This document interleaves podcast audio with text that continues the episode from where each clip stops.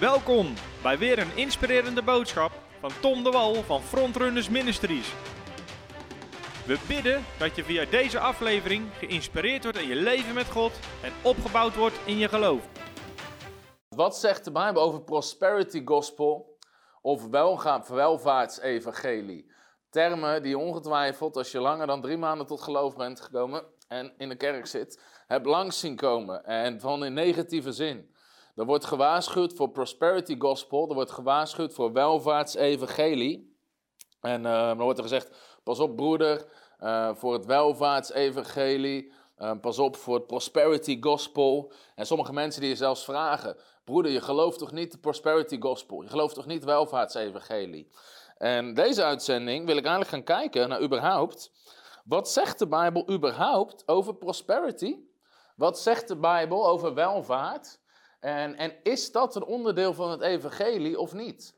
En dus heeft de Bijbel daar überhaupt iets over te zeggen? En voordat ik dat ehm, ga doen, is het belangrijk om te beseffen, als we het over zo'n thema gaan hebben, ehm, er is altijd een gevaar dat we van iets een karikatuur maken. En dat is dat we geven het een bepaalde naam, we stoppen het in een bepaald hokje. En zodra een, een, eh, een woord wat er ook maar mee te maken lijkt te hebben, in dat hokje past, stoppen we het erin en schieten we het af. Dus als iemand zegt, joh, God wil je zegenen, hup, welvaartsevangelie. Hetzelfde met genade. Weet je, eens waarschuwen het genade-evangelie. Dus zodra je preekt over dat God een God van genade is, oh, genade prediken. Is allemaal, weet je, en we stoppen iets in een hokje en vervolgens schieten we het af in het hokje waar we het net ingestopt hebben. Je legt iemand anders de woorden in de mond. En dat kan nooit de bedoeling zijn, dat we op die manier um, ermee omgaan. Um, hi, Pastor Tim from America. Good to see you again. So, unfortunately, I'm preaching in Dutch tonight. Dankjewel voor de complimenten voor het shirt, Angela. Dus we hebben het over prosperity gospel. Wat zegt de Bijbel überhaupt? Komt het woord prosperity in de Bijbel voor? Of welvaart of voorspoed? Komt het überhaupt in de Bijbel voor? En zo ja, wat zegt de Bijbel dan over? Dat is belangrijk voordat we er een label op plakken van fout of goed of wat dan ook. Dus daar wil ik naar kijken. En um, voordat we naar de Bijbel gaan, ik heb opgezocht, als je intypt gewoon prosperity gospel, welvaartsevangelie, wat krijg je dan? Wat voor definitie krijg je dan? Dus ik heb deze definitie rechtstreeks vertaald van, uh, van Wikipedia. Uh, als je intypt, intypt wat uh, intypt, intypt, staat. Dit is mijn vijfde preek vandaag. Dus ik heb vier uur lang, nee langer, vijf uur lang les gegeven op mijn Bijbelschool, ben rechtstreeks doorgereden. Dus ik hoor, ik hoor al warm gepreekt te zijn. Ik mag geen foutjes meer maken zoals intoept in plaats van intypt. In ieder geval, als je intypt welvaartsevangelie, wat krijg je dan? Dan krijg je dit. En dus zo wordt het omschreven. Het welvaartsevangelie is een religieuze stroming onder christenen die geloven dat materiële zegen en lichamelijke gezondheid altijd de wil van God zijn voor de mens.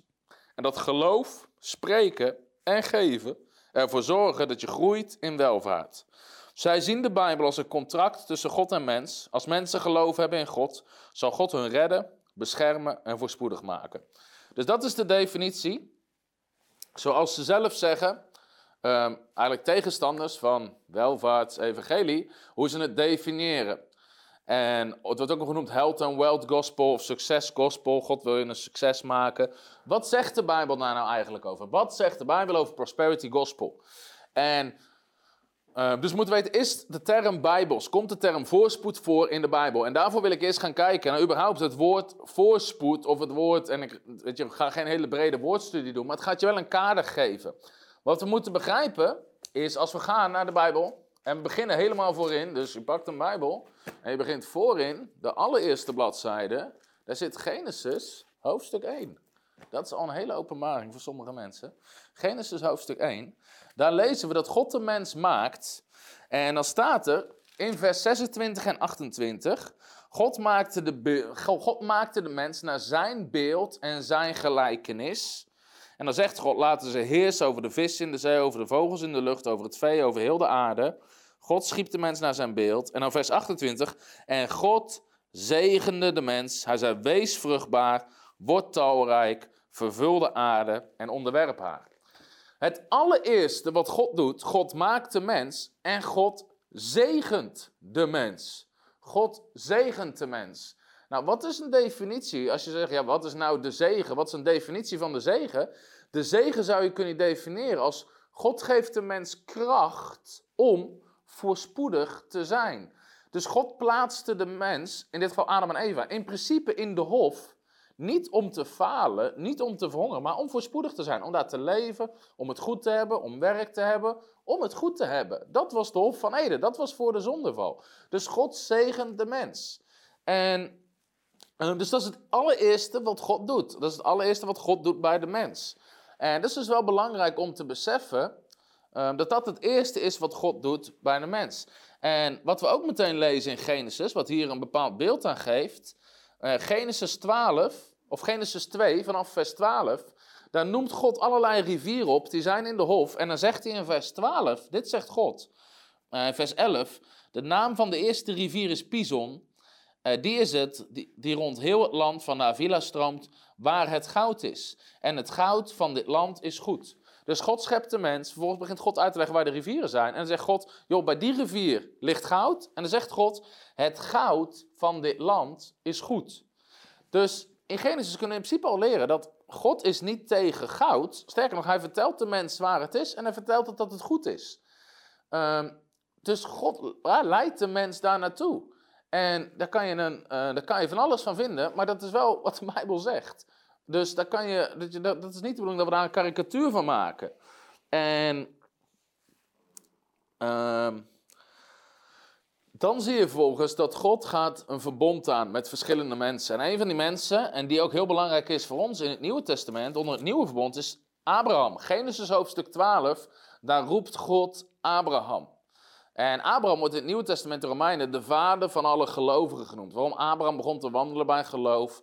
Hij geloofde de belofte van God. En uiteindelijk is daar het Joodse volk Israël uit voortgekomen. Daaruit is de Messias voortgekomen. En daaruit zijn de heidenen ingevoegd in het plan van God. En ik ben geen Jood, ik weet niet hoe het met jou zit, maar uh, ik ben geen Jood.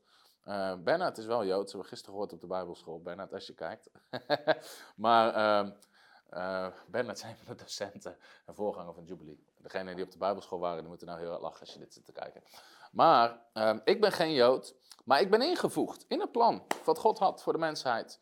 Door Jezus Christus, die de zegen van Abraham ook op de heidenen brengt. In ieder geval, wat doet God? God roept Abraham, Genesis 12, God zegt, verlaat je land, verlaat je familie. Ik zal u tot een groot volk maken. Ik zal u zegenen, uw naam groot maken en je zal tot een zegen zijn. Er zijn drie dingen die God zegt. Ik zal je zegenen, je naam groot maken. De Engelse zegt, I'll make you famous. Dus God ging Abraham beroemd maken. En je zal tot een zegen zijn. Dus ook uh, andere mensen zal jij zegenen. Dat is Genesis hoofdstuk 12. Genesis hoofdstuk 13, één hoofdstuk later, daar zegt de Bijbel: En Abraham was zeer rijk aan vee, aan zilver en aan goud. In Genesis hoofdstuk 14, vers 23, kan je lezen dat het God was die Abraham rijk had gemaakt. Want Abraham, dan wil iemand iets aan Abraham geven. En een heel ander verhaal, maar dat is een, een koning, de koning. En die wil iets aan Abraham geven, maar Abraham weigert het, want hij zegt: Ik weiger dit, ik weiger, deze, ik weiger deze gift, want ik wil niet dat jij kan zeggen dat je me rijk hebt gemaakt. God heeft mij voorspoedig gemaakt. Mijn punt is dit: God maakte Abraham voorspoedig. Hoe je het ook bent of keert, Genesis 12, Genesis 13, Genesis 14. God maakte Abraham voorspoedig. En ik zie mensen van de Bijbelschool heel hard lachen. Um, Genesis hoofdstuk 24. En ik ga je gewoon heel wat teksten geven, want dit is gewoon een woordstudie dus naar het woord uh, uh, voorspoed. Wat zegt de Bijbel eigenlijk over voorspoed? Genesis uh, 24, vers 1. Daar staat, en de Heere had Abraham in alles gezegend. Aan het eind van zijn leven. Abraham kan, kon alleen maar zeggen, ik ben in alles gezegend. God heeft overal voor gezorgd. Dat was Abraham. Na Abraham komt Isaac. En dit is wat de Bijbel zegt over Isaac. Genesis 26. En ook Isaac wandelt in die zegen van Abraham. Genesis hoofdstuk 26. Dus we zijn twee hoofdstukken verder. Genesis hoofdstuk 26. Daar lezen we dat er een hongersnood komt. Isaac die wil vluchten, want die denkt een hongersnood is niet de goede plek om te zijn. Dus hij wil vluchten. Maar God zegt nee, je moet wonen in het land waar ik je roep om te wonen. Dus Isaac blijft en dan zegt de Bijbel dit. Isaac zaaide in dat land, Genesis 26, vers 12, en oogste in dat jaar het honderdvoudige, want de Heere zegen hem. Dus de Heer zegen Isaac en Isaac oogste honderdvoudig. En dan zegt de Bijbel dit, en de Engelse vertaling vertaalt hem um, eigenlijk, die vertaalt hem rechtstreeks met het woord prosper. Daar zegt hij, the man began to prosper, continued prospering, until he became very prosperous. De Nederlandse vertaling, de HSV, zegt de man kreeg meer aanzien, gaandeweg nog meer aanzien, tot hij zeer aanzienlijk was geworden. En de MBG, of de uh, M, uh, eh, MBV, vertalen als hij werd rijk, rijker, totdat hij zeer rijk was geworden. Mijn punt is, wie maakte Isaac rijk? De zegt, de Heere deed het. De Heere zegende hem. En dan zegt de Bijbel, God maakte hem voorspoedig. Hij werd nog voorspoediger, totdat hij zeer voorspoedig was geworden. Tot hij zeer voorspoedig was geworden. Naar uh, Isaac komt uh, Jacob. En uh, even kijken waar die staat. In Genesis uh, eh, 30, vers 43. En ook andere teksten. En Genesis 39. Ik ga niet al, ik ga niet al, maar in ieder geval Jacob, we gaan niet de diepte op in. Maar Jacob werd zeer voorspoedig door de hand van God. Op een gegeven moment, Jacob, die vlucht voor Esau. Je kent misschien het Bijbelverhaal. Hij heeft zijn vader bedrogen, Jacob, bedrieger. Hij vlucht voor Esau. Hij is arm. Hij heeft een staf en hij slaapt met zijn hoofd op een steen. Maar hij maakt een belofte aan God. Hij zegt: Heer, ik beloof u, ik ga u een tiende deel geven van alles wat u aan me toevoegt. Hij komt bij Laban terecht en daar gaat hij werken. Maar God zegent hem. En tegen de tijd dat hij terugkomt en zijn broer Esau weer ontmoet, is hij enorm gezegend en voorspoedig geworden. Dus de zegen van Abraham maakte Abraham rijk, Isaac rijk, voorspoedig. Ehm, vervolgens Jacob ehm, wordt rijk. Na Jacob komt Jozef. En uiteindelijk ook Jozef in Genesis 39. En ja, Genesis 39, je kan het thuis nalezen. Maar in ieder geval, Jozef werd zeer voorspoedig, waar hij ook was. Zelfs op mindere momenten in zijn leven. Op een moment dat hij voor Potifar als slaaf, zegt de dat God maakte hem voorspoedig en heel het huis van Potifar werd voorspoedig. In de gevangenis, God maakte hem voorspoedig en heel de gevangenis. Daar was de voorspoed, de zegen van God. En uiteindelijk zegent God hem zelfs als tweede man in Egypte en hij beheert alles voor de farao. Dus je ziet ook dat die zegen van Abraham, die werkt door op al die generaties daarna. En dat is belangrijk om te beseffen als het dus gaat over uh, voorspoed, dat van al deze mensen, zegt de Bijbel, God maakte ze voorspoedig. En uh, dus we zijn nou door die lijn heen aan het gaan. Dus we hebben Abraham, Isaac, Jacob, Jozef. Na Jozef komt het volk Israël. En God leidt ze uit de woestijn en gaat een verbond met ze aan. En dat verbond kunnen we lezen in Deuteronomium, wat dat verbond inhield. Maar dan zegt het, uh, uh, Deuteronomium en in Jozua. Uh, maar goed, ik ga eerst even Deuteronomium lezen. Deuteronomium 8, dat is een hele mooie tekst over dit verbond wat God aangaat. Daar zegt God, Deuteronomium 8, vers 18. U moet de Heere uw God in gedachten houden dat Hij het is die u kracht geeft om vermogen te verwerven, opdat Hij zijn verbond bevestigen zou. Engels zegt, He gives you power to create wealth. He gives you power to prosper. Dus God zegt, opdat Hij zijn verbond zou bevestigen. Dus God zegt, die voorspoed zit bij zijn verbond erin. Dat is wat God letterlijk zegt tegen het volk. Je moet God in je gedachten houden, want Hij geeft je kracht om voorspoedig te worden. Hij geeft je kracht om welvaart te maken. En de Joden denken ook op deze manier. De Joden zijn ontzettend voorspoedig. Als je kijkt naar de wereldbevolking, 0,02% van de wereldbevolking is Joods. 0,02% van de wereldbevolking. 85% van de meest succesvolle bedrijven in Duitsland is in handen van de Joden.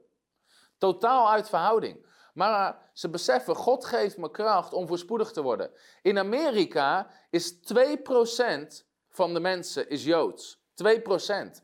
Maar als je kijkt naar de Forbes 400, de 400 rijkste uh, Amerikanen, 400 meest welvarende Amerikanen bedrijven, dan zouden naar verhouding, 2% is Joods in Amerika, 4 tot 6 Joden tussen moeten zitten. In plaats daarvan zijn 100 van de 400 Joods. 25%.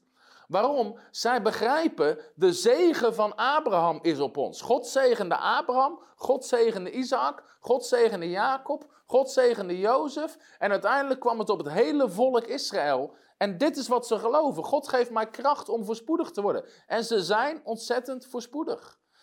En dus dat is een manier waarop ze denken. En de Bijbel zegt hier, opdat hij zijn verbond zou bevestigen. Uh, dus dat is belangrijk om te beseffen.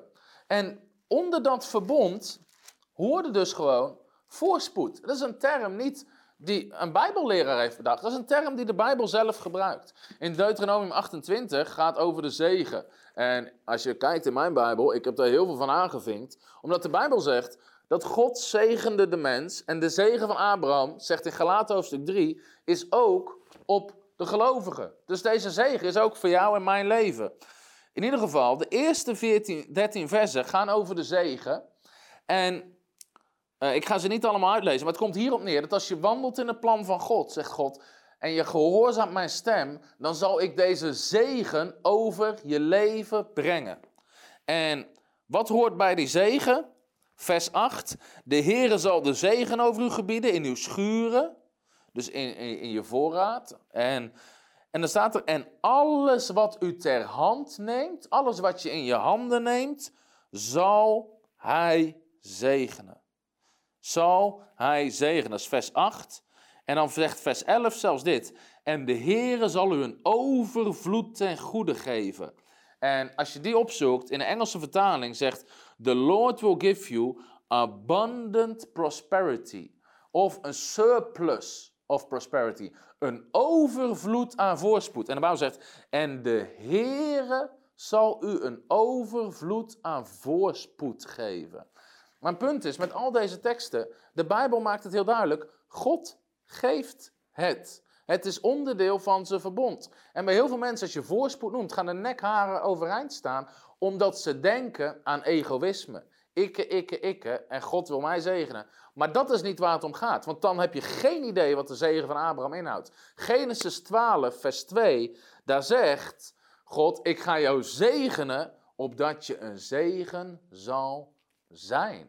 Dus het plan van God dat zijn zegen op je is, zodat je een zegen kan zijn. En in die context moeten we het zien.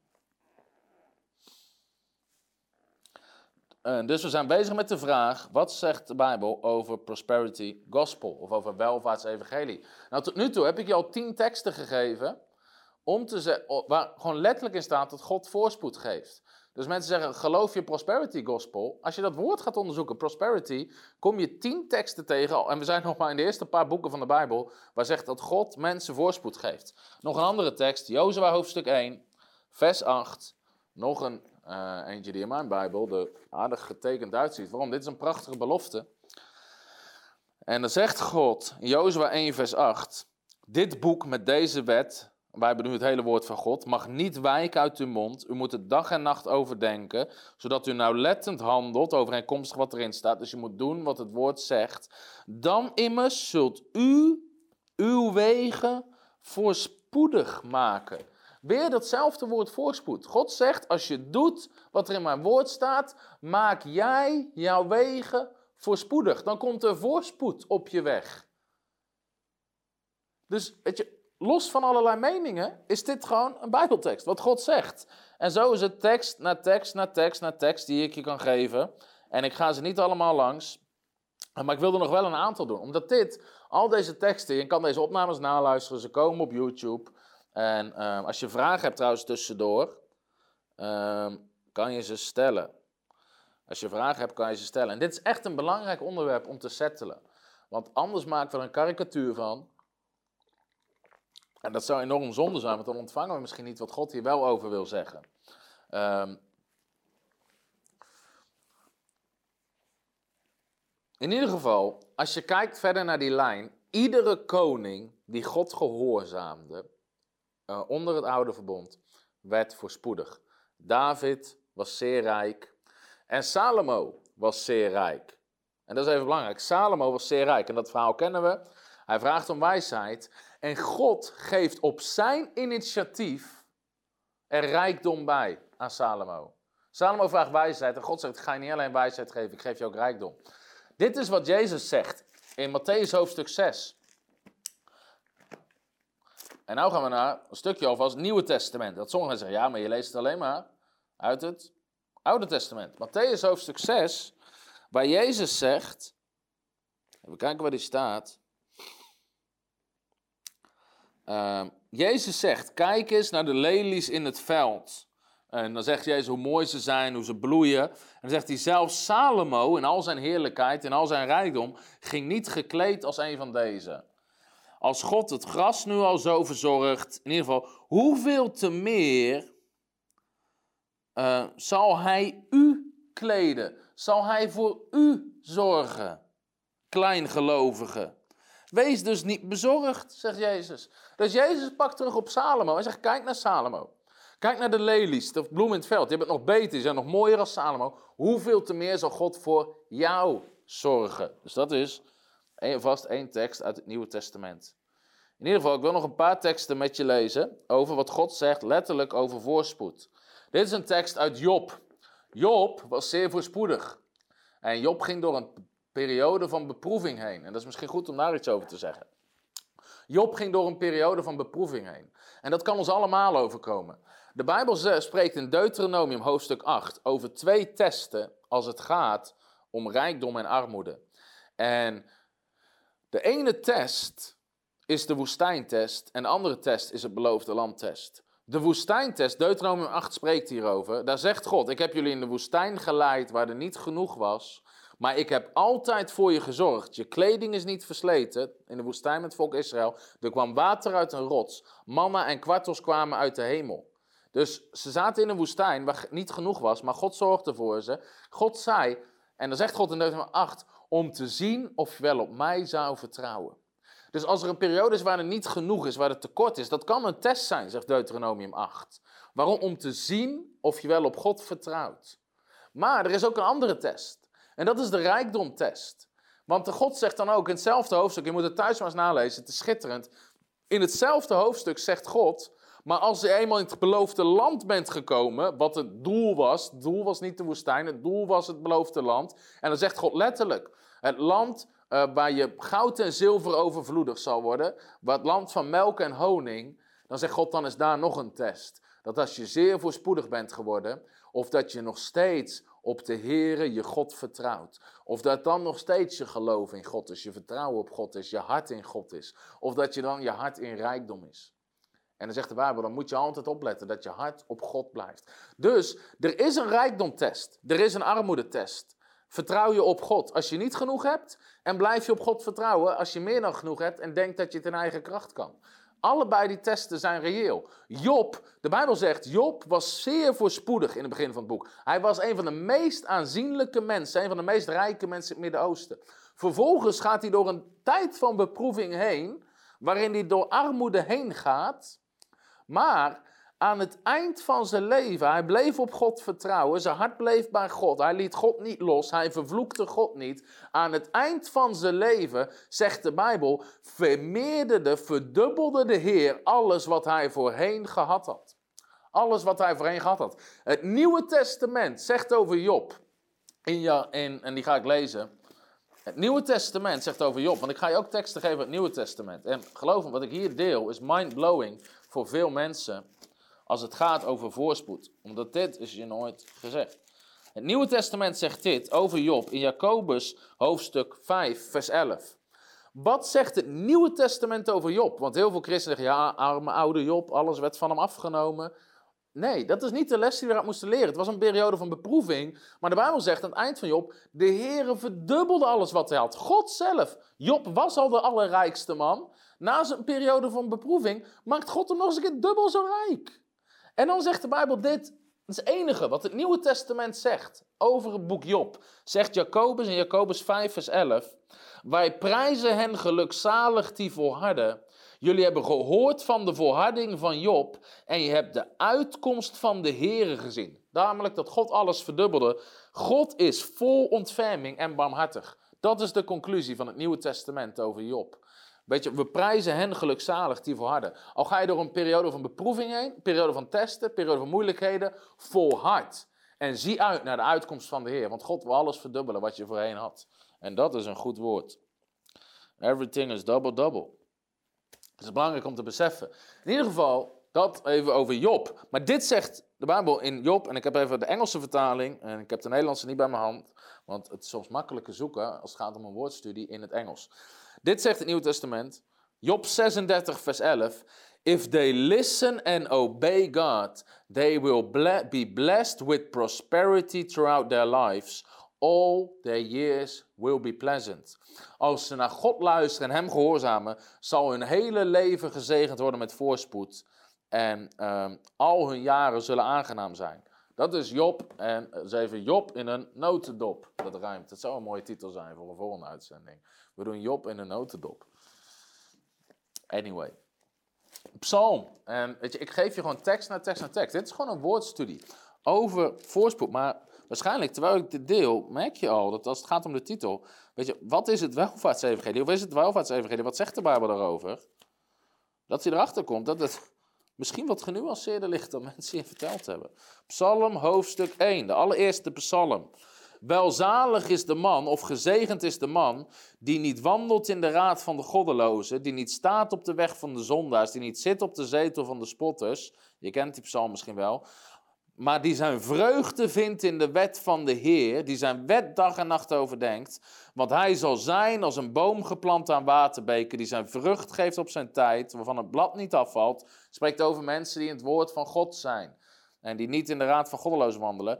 Alles wat hij doet, zal gelukken. Staat er letterlijk. Alles wat je doet, zal voorspoedig zijn. Deuteronomium 28 zei het. Deze tekst zegt het. En ik heb niet tijd om overal op in te gaan. Maar het Nieuwe Testament zegt het ook. Jacobus zegt. Als je je verdiept in de volmaakte wet van de vrijheid. dan zal je gezegend zijn in alles wat je doet. Nieuwe Testament. Anyway, ik ga je nog een paar psalmen Psalm 25, vers 12, over de rechtvaardige. De rechtvaardige, zijn nageslacht zal de aarde bezitten en hij zal zelf zijn jaren in voorspoed, voorspoed doorbrengen. Staat er letterlijk. Psalm 35, vers 27 staat, de Heere heeft welbehagen in de voorspoed van zijn dienstknechten. En de Nederlandstaling vertaalt hem als vrede in de voor, of vrede, uh, heeft welbehagen in de vrede van zijn dienstknechten. Maar in het Hebreeuws staat de shalom. En dat betekent veel meer dan alleen vrede. Dat betekent een heel welzijn, een heel welvaart. Dat het goed met je gaat op elk gebied. Dat is shalom. De Bijbel en de Engelstaling zegt: uh, Who has pleasure in the prosperity of his servant. Als jij een dienstknecht bent, en dat zijn we allemaal, dienstknechten van God, heeft God welbehagen in jouw voorspoed. Uh, heel veel spreuken zeggen dat God je voorspoedig wil maken. En ik ga, ik ga niet alle teksten uh, lezen. Ik ga je nog een paar teksten geven uit het Nieuwe Testament om, um, om dit nog te onderbouwen. En dan, dus dit is gewoon een woordstudie. 2 Korinthe 8, vers 9. 2 Korinthe 8, vers 9 zegt dit. En wat, je, wat belangrijk is, is dat we soms onze religieuze bril afzetten. Waar we heel goed in zijn. En ik ga, ja, 2 Korinthe 8, vers 9. Dit hele hoofdstuk gaat over financiën. Het is een oproep tot vrijgevigheid. Het gaat over financiën en vrijgevigheid en uh, geven en al die dingen meer. In ieder geval, dat is even de context. Maar dan staat er dit in 2 Korinthe 8, vers 9. U kent de genade van onze Heer Jezus Christus, dat Hij omwille van u arm is geworden, terwijl Hij rijk was, opdat u door Zijn armoede rijk zou worden. De Bijbel zegt hier, je kent de genade van Jezus Christus, dat Hij arm is geworden terwijl hij rijk was. Nou, waar was Jezus arm? Of waar was Jezus rijk? Ten eerste in de hemel, hij was bij God de Vader. Hij kwam naar de aarde, maar ook hier op aarde. Weet je, Jezus had wel de hemel verlaten, maar de hemel had nooit Jezus verlaten. Dus er was altijd genoeg. Hij vermenigvuldigde voedsel, hij wandelde in bovennatuurlijke voorziening. Jezus was gewoon, hij had een goed leven op aarde. En in mijn boek kan je daar veel meer over lezen, dat Jezus niet arm was. Maar de Bijbel zegt, hij werd arm. Waar werd Jezus arm? Aan het kruis. Hij was naakt, hij had niks meer aan, hij werd daar gekruisigd. Maar waarom? De Bijbel zegt, opdat u door zijn armoede rijk zou worden. Rijk zou worden. En dus hier zegt de Bijbel letterlijk, Jezus stierf om jou rijk te maken. En dan zeggen mensen, ja, maar dat is geestelijk, broeder. Het punt is, dat staat er niet. En heel de context gaat ook niet over geestelijke dingen. Het gaat over geld en over vrijgevigheid. Dus als je zegt, ja, maar dit is geestelijk, dan ben je moedwillig een hele tekst uit zijn context aan het halen om in jouw doctrine te passen. En ik begrijp, ik deel nu alleen maar teksten over voorspoed, want dat is even het thema, rijkdom, voorspoed. Hoort dat bij het evangelie? Dus mensen zeggen, ja, maar eh, vergeving is belangrijker. Klopt, is een ander onderwerp. En weet je, ik kies er nou voor om even één ding te benadrukken, maar wel om je even uit je bubbel te prikken. En um, dus hier zegt de Bijbel letterlijk, Jezus stierf zodat jij rijk zou worden. En daar ga ik nog wat meer over lezen, maar eerst nog 2 Korinthe 9, dus één hoofdstuk verder, vers 8. En dat is natuurlijk het hele bekende hoofdstuk, wie karig zaait, zo karig oogsten. Maar dit is uiteindelijk het doel. En dat geven noemt de Bijbel genade. Het is genade dat jij mag geven. Het is gunst van God dat je mag geven. En God is bij macht om elke vorm van genade, en dat gaat in dit geval dus over geld, want ook geld is genade wat we mogen ontvangen van Hem, overvloedig te maken in u, zodat u, wanneer u uh, in alles, altijd, al het nodige bezit, overvloedig kunt zijn in elk goed werk. Nou, dat is een hele moeilijke tekst, want er staat altijd, alles, uh, nog een keer elk goed werk. Maar wel zegt, de genade van God is op ons leven, zodat we altijd een zegen kunnen zijn waar we ook willen. Want we kunnen zaaien en oogsten. Oké, ik ga nog, uh, even kijken, wat ga ik nog doen? Ik ga nog twee teksten met je delen. Galaten hoofdstuk 3, om dit even te settelen. Galaten hoofdstuk 3, dus vlak na Korinthe, komt Galaten. Daar zegt de Bijbel in vers uh, uh, 13. Christus heeft ons vrijgekocht van de vloek van de wet, door voor ons een vloek te worden. Want er staat geschreven, vervloekt is ieder die aan een hout hangt, opdat de zegen van Abraham in Christus tot de heidenen zou komen. Opdat de zegen van Abraham in Christus op de heidenen zou komen. over die zegen van Abraham hebben we het gehad. Genesis 1, God zegent de mens. Volgens Genesis 12, God zegent Abraham. Dat is de kracht om voorspoedig te zijn. Abraham was voorspoedig. Zijn kinderen, Isaac, Jacob, Jozef waren voorspoedig. Het Joodse volk, de Israëlieten waren voorspoedig. Het voorspoed hoorde onder het verbond. Dat is allemaal de zegen van Abraham. En dan zegt Galaten hoofdstuk 3, door Christus, en Christus was uit de Joden, is diezelfde zegen van Abraham op alle heidenen gekomen, die dat ontvangen in Christus. Dus de zegen van Abraham, de kracht om voorspoedig te zijn, is ook op jouw leven. En dus dat is Galaten hoofdstuk 3, de allerlaatste tekst die ik ga delen. 3 Johannes 1, vers 2. 3 Johannes 1, vers 2. Even de laatste brieven voor het boek Openbaring.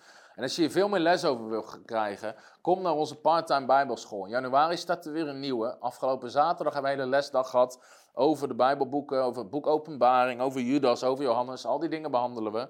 Uh, de bijbelboeken over gaan. Ik haal even mijn bijbel uit zijn hoes, want hij zit niet. Um, 3 Johannes 1, vers 2. Geliefde, ik wens dat het u in alles goed gaat en dat u gezond bent, zoals het uw ziel goed gaat. De Engelstaan zegt, Beloved, I pray that you prosper in all things. And be in health. Ik bid dat je voorspoedig bent in alles en dat je gezond bent. Dat bidt hij. Zoals het uw ziel goed gaat. Mijn punt is dit: als het gaat over prosperity gospel, waar mensen een label op plakken, geloof je in het. Ik heb je alleen deze uitzending en ik heb moeten kiezen. Ik heb heel veel teksten achterwege gelaten die in mijn aantekening staan. En mensen die mij kennen, weten dat ik kan uren prediken. Ik zeg altijd op bijbelscholen tegen de studenten, jullie moeten aangeven wanneer pauze is, anders sta ik hier vannacht nog. Weet je, ik kan door blijven gaan. Er zijn zoveel teksten. Ik heb nu moeten kiezen. Ik heb nog geen tekst eigenlijk echt over de zegen. Ik heb nog geen tekst over zaaien en oogsten. Uh, al die teksten heb ik nog helemaal niet aangehaald. Alleen nog maar over het woord voorspoed en rijkdom. En de rest heb ik nog grotendeels achterwege gelaten. En ik heb je alleen al 30 teksten gegeven hierover. En ik heb je aangetoond dat het Nieuwe Testament daar ook over spreekt. En ik denk dat we moeten gaan wennen aan de term voorspoed, want de Bijbel spreekt er gewoon over. Het is een Bijbelse term. En weet je, je hebt twee termen, voorziening en voorspoed. Nou, de Bijbel zegt in Filippenzen 4, vers 19, nog zo'n knaltekst. Filippenzen 4, vers 19, dit zijn teksten die je zelfs moet, eigenlijk moet memoriseren uit je hoofd moet leren, want het bouwt geloof. Hè. Geloof komt door het horen van het woord. Filippenzen 4, vers 19. Daar zegt de Bijbel: Mijn God zal u overeenkomstig zijn rijkdom. Nou, hoe rijk is God? Heel rijk. En sommigen zeggen, ja, rijkdom is, weet je, is niet geestelijk. De laatste keer dat ik het gecontroleerd heb, was God heel erg geestelijk. Hij was de meest geestelijke persoon die er bestaat. Ja, weet je, rijkdom en heiligheid. heilig leven gaat niet samen. De, de laatste keer dat ik gecontroleerd heb, was God de meest heilige persoon die er was. God is de allerheiligste en de allerrijkste. Oké? Mijn God zal u overeenkomstig zijn rijkdom voorzien van alles wat u nodig hebt.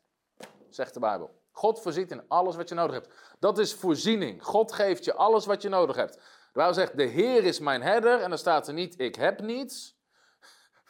Dan denk ik soms dat er staat, de Heer is mijn herder, ik heb verder helemaal niets. Nee, Psalm 23, de Heer is mijn herder, het ontbreekt mij aan niets. De Heer is mijn herder, het ontbreekt mij aan niets. De Heer, als God je herder is, wil hij voor je zorgen, maar hij wil zelfs zo goed voor je zorgen dat je niet alleen voorziening hebt, maar dat je voorspoed hebt. En voorspoed gaat erover dat je meer hebt, zodat je uit kan delen. En dan hebben we de voorspoed in, in zijn context. Het is om een zegen te zijn. De zegen van Abraham is dat je een zegen kan zijn. En ik zat laatst een boek te lezen van een theoloog, een heel dik boek. Volgens hem alles wat de Bijbel zei en de Bijbelse doctrine over geld. Wat is de Bijbelse balans? En zijn conclusie was aan het eind van het boek: Heere, geef ons ons dagelijks brood. En daarmee moet je tevreden zijn. Daaraan moet je gewoon zeggen: dat is genoeg. En, dat was het tweede deel van zijn conclusie: je moet geven aan de armen. Hoe kan je iets geven aan de armen als je alleen genoeg hebt voor je eigen brood? Kan niet. Als je dat, die man is schizofreen, die heeft gebed nodig. Nou, het kan niet. Weet je, voorziening gaat erover dat je een zegen kan zijn. Als jij tien broden kan kopen in plaats van één, heb je voorspoed. Want nou kan je negen andere mensen ook een brood geven. Weet je, dat is voorspoed. Dat is waar het over gaat. En dus, voorspoed is, God geeft je meer dan genoeg. En kijk naar Jezus, kijk naar het leven van Jezus. En in mijn boekje, uh, Financieel Partnerschap, ga ik daarop in. Ik, zie, ik heb hier nou geen liggen, maar um, hebben we hem wel? Oh ja, hij staat achter in de kast. Kunnen we die op een andere camera krijgen? Of hebben we die? Ik zit er net voor, hè? Hoe moet ik draaien? Hebben we hem op een van de camera's? Nee. in ieder geval, hij staat achter mij in de kast. Hier net over. Ik zit in spiegelbeeld. ik deed deze daar, maar het moet deze zijn. Hier, daar staat hij. Boekje kan je bestellen via onze webshop laat ik ook zien hoe Jezus leefde. Sommigen zeggen, ja, Jezus was arm. Jezus was niet arm. En daar ga ik uitgebreid op in. Jezus was niet arm. Maar überhaupt, kijk naar het leven van Jezus. Het allereerste wonder wat Jezus doet, wat is het? Een wonder van voorspoed. Hij verandert water in wijn. En niet zomaar wijn, de allerbeste wijn die er was. Dat was voorspoed. Waarom? Weet je, wie heeft er nou wijn nodig? Tuurlijk, ik snap, het was een bruiloft. De wijn was op, dus ze hadden wijn nodig. Maar Jezus verandert niet in goedkope al die wijn. Weet je, de alle, nee, de Bijbel zegt de beste wijn. Het was een wonder van voorspoed en het was meer dan genoeg. De voedselvermenigvuldiging. De voedselvermenigvuldiging. Jezus voedt 5000, alleen de mannen, dus met vrouwen en kinderen, 25.000 mensen. En het is niet zo dat nou de laatste kreeg zijn stukje brood en gelukkig het was op. De Bijbel zegt, één keer bleven er twaalf mannen over en de andere keer zeven. Dus Jezus wandelde in voorspoed. Hij deed niet net genoeg, hij deed meer dan genoeg. Ehm, Jezus haalde geld uit een vis om zijn belasting te betalen. Hij regelt een bovenzaal. Hij regelt een nieuwe ezel om Jeruzalem in te, in te gaan. Jezus wandelde in voorspoed. Jezus wandelde in voorspoed. Waar werd hij arm? De Bijbel zegt op het kruis maar zodat jij rijk zou worden. Jezus werd zonde op het kruis, zodat jij vergeven zou worden. Jezus werd, nam onrechtvaardigheid op het kruis, zodat jij vergeven zou worden. Jezus, waarom zegt, nam ziekte, Jezaja 3 op het kruis, zodat jij geneest worden. En Jezus nam armoede op zich op het kruis, zodat jij rijk zou worden. Het is allemaal onderdeel van het evangelie. En ik denk wel dat jullie al weten welke conclusie ik opga over het prosperity gospel. In ieder geval, tekst na tekst na tekst. De zegen van Abraham op ons. Jezus stierf dat jouw rijkdom zou worden. Uh, geliefde, ik wens dat u in alles voorspoedig bent. En de Bijbel zegt, het is een beter verbond met betere beloften. Nieuwe Testament. In ieder geval, uh, dus als we teruggaan naar wat zegt de Bijbel over welvaartsevangelie? Wat zegt de Bijbel over prosperity gospel? Ik heb je ontzettend veel teksten gegeven. Ik heb je ontzettend veel teksten gegeven. En we gaan nog een keer terug naar de definitie, zoals de tegenstanders van welvaartsevangelie definiëren. Het welvaartsevangelie is een religieuze stroming onder christenen die geloven dat materiële zegen en lichamelijke gezondheid altijd de wil van God zijn voor de mens. Nou, laten we daar eens naar kijken. De vraag is, geloof je dit? Geloof jij dat materiële zegen en lichamelijke gezondheid altijd de wil van God is voor de mens? Ik geloof dat. Want de Bijbel zegt, God wil voorzien in alles wat je nodig hebt. Dat heet materiële zegen. God geeft je wat je nodig hebt. En, ik heb deze uitzending niet over genezing gehad, is een hele andere uitzending. Mijn punt is, altijd de wil van God voor de mens. Kijk naar Jezus. Kijk naar de voedselvermenigvuldiging. Bij al die mensen, Jezus was niet. Nou, de een wel, jij niet. Jij hebt honger. Volgende wel, de komende drie niet. De een wel, de ander niet. Dus de vraag is, voedde Jezus iedereen? Zorgde hij voor iedereen? Zegt de Bijbel in Filippenzen 4 vers 19, God zal voor sommigen voorzien, of wil hij voor iedereen voorzien? Johannes bidt niet, in 3 Johannes 1 vers 2, voor sommige geliefden bid ik dat het goed met ze gaat. Nee, hij bidt het voor iedereen. Dus God wil dat het goed gaat met al zijn kinderen. Weet je, het is, het is totaal van de zotte dat mensen geloven dat dat, dat, dat niet zo is. Ik heb, ik heb één zoontje en die is uh, tien weken oud. Uh, maar Stel dat ik vijf kinderen zou hebben. Het is toch van de zot als ik zeg, joh, nou, eh, die drie, dat zou ik heel leuk vinden als het goed ging met die, met die drie. En de andere, nee, dat, dat is niet belangrijk. Weet je, het zou van de zotte zijn. Wat voor beeld heb je van God? Als ik wil dat mijn kinderen ziek zijn, als ik wil dat mijn kinderen tekort hebben. Jezus zegt, God is nog veel beter dan iedere natuurlijke vader. Hij wil dat je gezond bent en hij wil dat het goed gaat met je. Dus, um, kijk, wat is de kern van het evangelie? Was ja, maar dat is niet het belangrijkste van het evangelie. Nee, het belangrijkste van het evangelie, je, waar gaat het überhaupt het hele evangelie om? De Bijbel zegt, we zijn verzoend met God. Het betekent letterlijk teruggebracht naar een vorige positie. Dat betekent verzoend. Dus in de hof raakte de mens gescheiden, maar daarvoor had de mens meer dan genoeg. Verzoening betekent je bent teruggebracht naar die positie weer bij God. En heel je leven wordt hersteld. En uh, en vanaf daar raakt het elk gebied van je leven. Dus, um, om even een voorbeeld. Weet je, wil God dat iedereen geestelijk gezond is? Ja, natuurlijk. God wil dat iedereen geestelijk tot geloof komt, hem lid kennen, gezond geestelijk leven krijgt. Weet je, wil God dat iedereen emotioneel gezond is? Of wil God dat mensen gebroken zijn, depressief zijn? Nee, dat is niet de wil van God. Jezus was heel vaak bezig om mensen. Jezus zegt in Lucas hoofdstuk 4: De geest van de Heer is op mij om verslagenen vrij te zetten, gevangenen vrij te zetten, gebrokenen van hart te genezen. Weet je, is dat voor sommigen of is dat voor iedereen? Nee, dat is voor iedereen. Tuurlijk, God wil dat iedereen emotioneel gezond is. Waarom zouden we dan wel zeggen, ja, maar niet iedereen wil, wil God gezond hebben en niet iedereen wil God gezegend hebben? Waarom maken we daar onderscheid in? Dat zouden we niet moeten doen. Waarom? Dus wil God dat iedereen lichamelijk gezond is? Ja. Wil God dat iedereen materieel gezond is, fysiek gezond is of gezegend is? Ja, het is dezelfde zegen van Abraham op alle heidenen, niet op sommigen. En mijn punt is dit: het is niet de kern van het evangelie, maar het is wel een gevolg. Daarom bidt Johannes, 3 Johannes 1 vers 2, geliefde, I pray that you prosper in all things. Ik bid dat je in alles voorspoedig wordt, dat u gezond bent, zoals het uw ziel goed gaat. Dus jouw ziel, jouw geestelijke leven, jouw emoties, dat wordt gezond. En het gevolg daarvan is dat, weet je, het heeft ook uitwerking op de rest. Mijn punt is dit, als je denkt dat Jezus alleen maar is gekomen om je zonde te vergeven, ben je misleid. Het evangelie is veel groter dan alleen zonde vergeven. Jezus kwam om zijn koninkrijk te brengen, om de mens te herstellen met de Vader. En dat is waar het om gaat. Kijk naar de gelijkenis van de verloren zoon. De verloren zoon, wat een ultiem beeld is van het evangelie. Hij zit bij de varkens, want hij is weggelopen bij de Vader. En dan denkt hij bij zichzelf, weet je, de mensen die bij mijn vader zijn, die hebben het beter dan ik. Dus God is een goede vader. En dan zegt hij, ik ga terug naar mijn vader.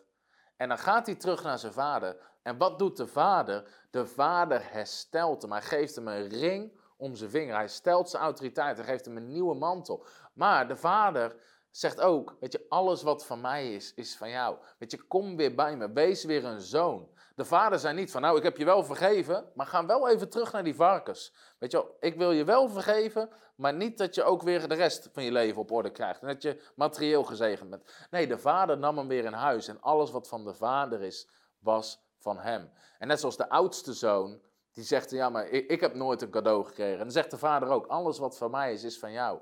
De Bijbel zegt, we zijn erfgenamen met Christus. We zijn erfgenamen met Christus. En dat is weer een heel ander onderwerp. Maar goed, in ieder geval terug naar het begin. Wat is welvaartsevangelie? Is prosperity gospel? Is het bijbels? En uh, dus nog een keer de definitie. Het welvaartsevangelie is een religieuze stroming onder christenen die geloven dat materiële zegen en lichamelijke gezondheid altijd de wil van God zijn voor de mens. Nou, en al die teksten hebben we gezien. Het was niet voor sommigen. En dat geloof, spreken en geven ervoor zorgen dat je groeit in welvaart. Dat is eigenlijk een heel ander onderwerp. Ja, hoe groei je dat en hoe krijg je het? Gaan we wel behandelen. En hoe ziet het er überhaupt uit in je leven? Weet je, gaat het om Ferraris of gaat het om heel iets anders? Maar dat is weer een heel ander onderwerp. Ik, weet je, je kan niet alles behandelen in één uitzending. Dus ik zit een paar dingen te, te targeten. Ze zien de Bijbel als een contract tussen God en mensen. Als mensen geloven hebben in God, zal hij hen redden, beschermen en voorspoedig maken. Als dit de definitie is van welvaartsevangelie, geloof ik er voor 100% in. Dus mensen aan mij vragen, geloof je het welvaartsevangelie? Absoluut. Waarom? Ik ga er doorheen nemen. Het welvaartsevangelie is een stroming onder christenen die geloven dat materiële zegen en lichamelijke gezondheid altijd de wil van God is voor de mens. We hebben al die teksten gelezen. Het was niet voor sommigen. Het hoorde er gewoon bij. God zegende de mens. God heeft de aarde aan de mensen gegeven. Niet om arm te zijn en honger te lijden.